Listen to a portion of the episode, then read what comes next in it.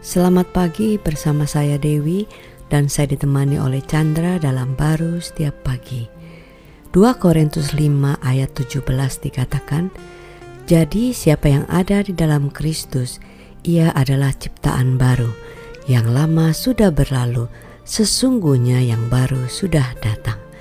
Wah benar-benar ini satu ayat yang meneguhkan kita di tahun yang baru kita diingatkan bahwa kita ini sudah berubah menjadi ciptaan yang baru. Artinya sesuatu yang baru uh, bukannya secara jasmani ya, tetapi yang di dalam kita istilahnya tuh DNA kita itu sudah baru, ya kan?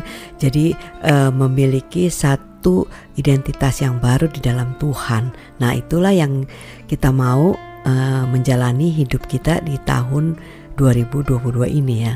Ya sebenarnya ya semua orang kan suka yang namanya baru ya hmm. Baju baru, rumah baru, hmm. mobil baru Sesuatu yang uh, menyenangkan, memuaskan uh, kehidupan dia Kalau enggak dia merasa bosan aja mau pergi ke tempat yang baru Betul. gitu kan Selalu orang mencari yang baru Tapi sebenarnya Tuhan juga tahu ya Dia ingin memberikan yang melampaui daripada manusia bisa cari. Padahal hmm. hidup manusia itu uh, walaupun dia dapat yang baru, dia terbatas juga Betul. karena dia yang lama.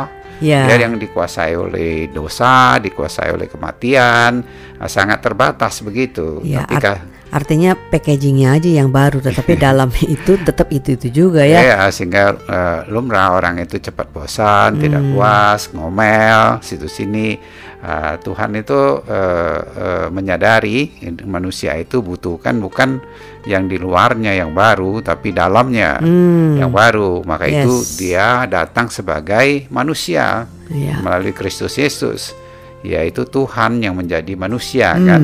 Agar gimana?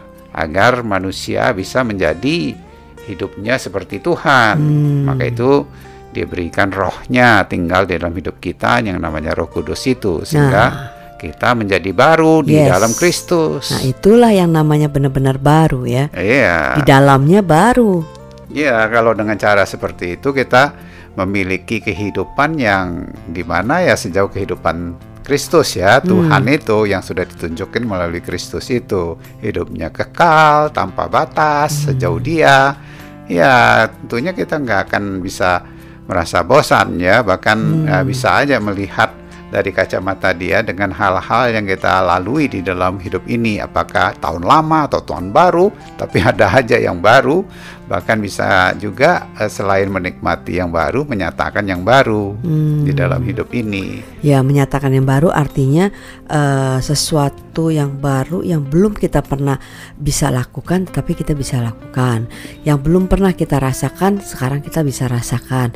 Itulah yang membuat kita menjadi baru benar-benar baru.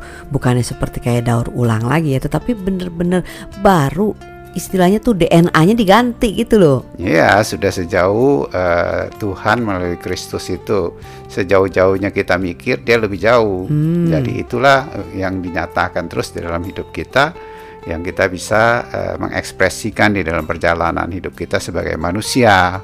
Hmm, uh, jadi uh, hidup kita itu yang kita alami sekarang yang kita akan jalani adalah hidup yang sejauh Kristus, bukan sejauh daripada uh, diri kita lagi yang lama ya. Ya, sebenarnya sih permasalahan manusia itu dia mikir masih yang lama padahal firman Tuhan berkatakan sudah lama sudah berlalu, hmm. sekarang yang baru sudah datang. Amin. Yang baru itulah yang perlu kita sadari, pikiri, bayangkan kan bahwa hmm. kita itu hidupnya seperti Kristus demikian kita apa sih yang kita hadapi di dalam masalah hidup ini yang nggak bisa kita selesaikan, hmm. you know? Amin, amin. Amin.